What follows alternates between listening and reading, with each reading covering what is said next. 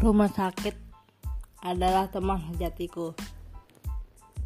Tiap bulan, tiap tahun, tiap minggu aku menemuinya. Bahkan orang-orang di sana mungkin mengenaliku. Para pasien, para dokter, suster, dan para fisioterapi uh, yang menanganiku tiap harinya apal banget apa dengan wajahku, dengan suaraku, dan lain sebagainya. Namun, sampai pada akhirnya aku sudah. Bukan berarti untuk lelah hidup, bukan.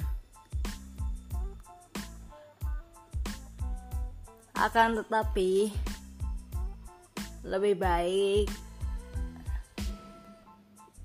pasrahkan semuanya kepada Allah Subhanahu wa taala Tuhan yang Maha Esa.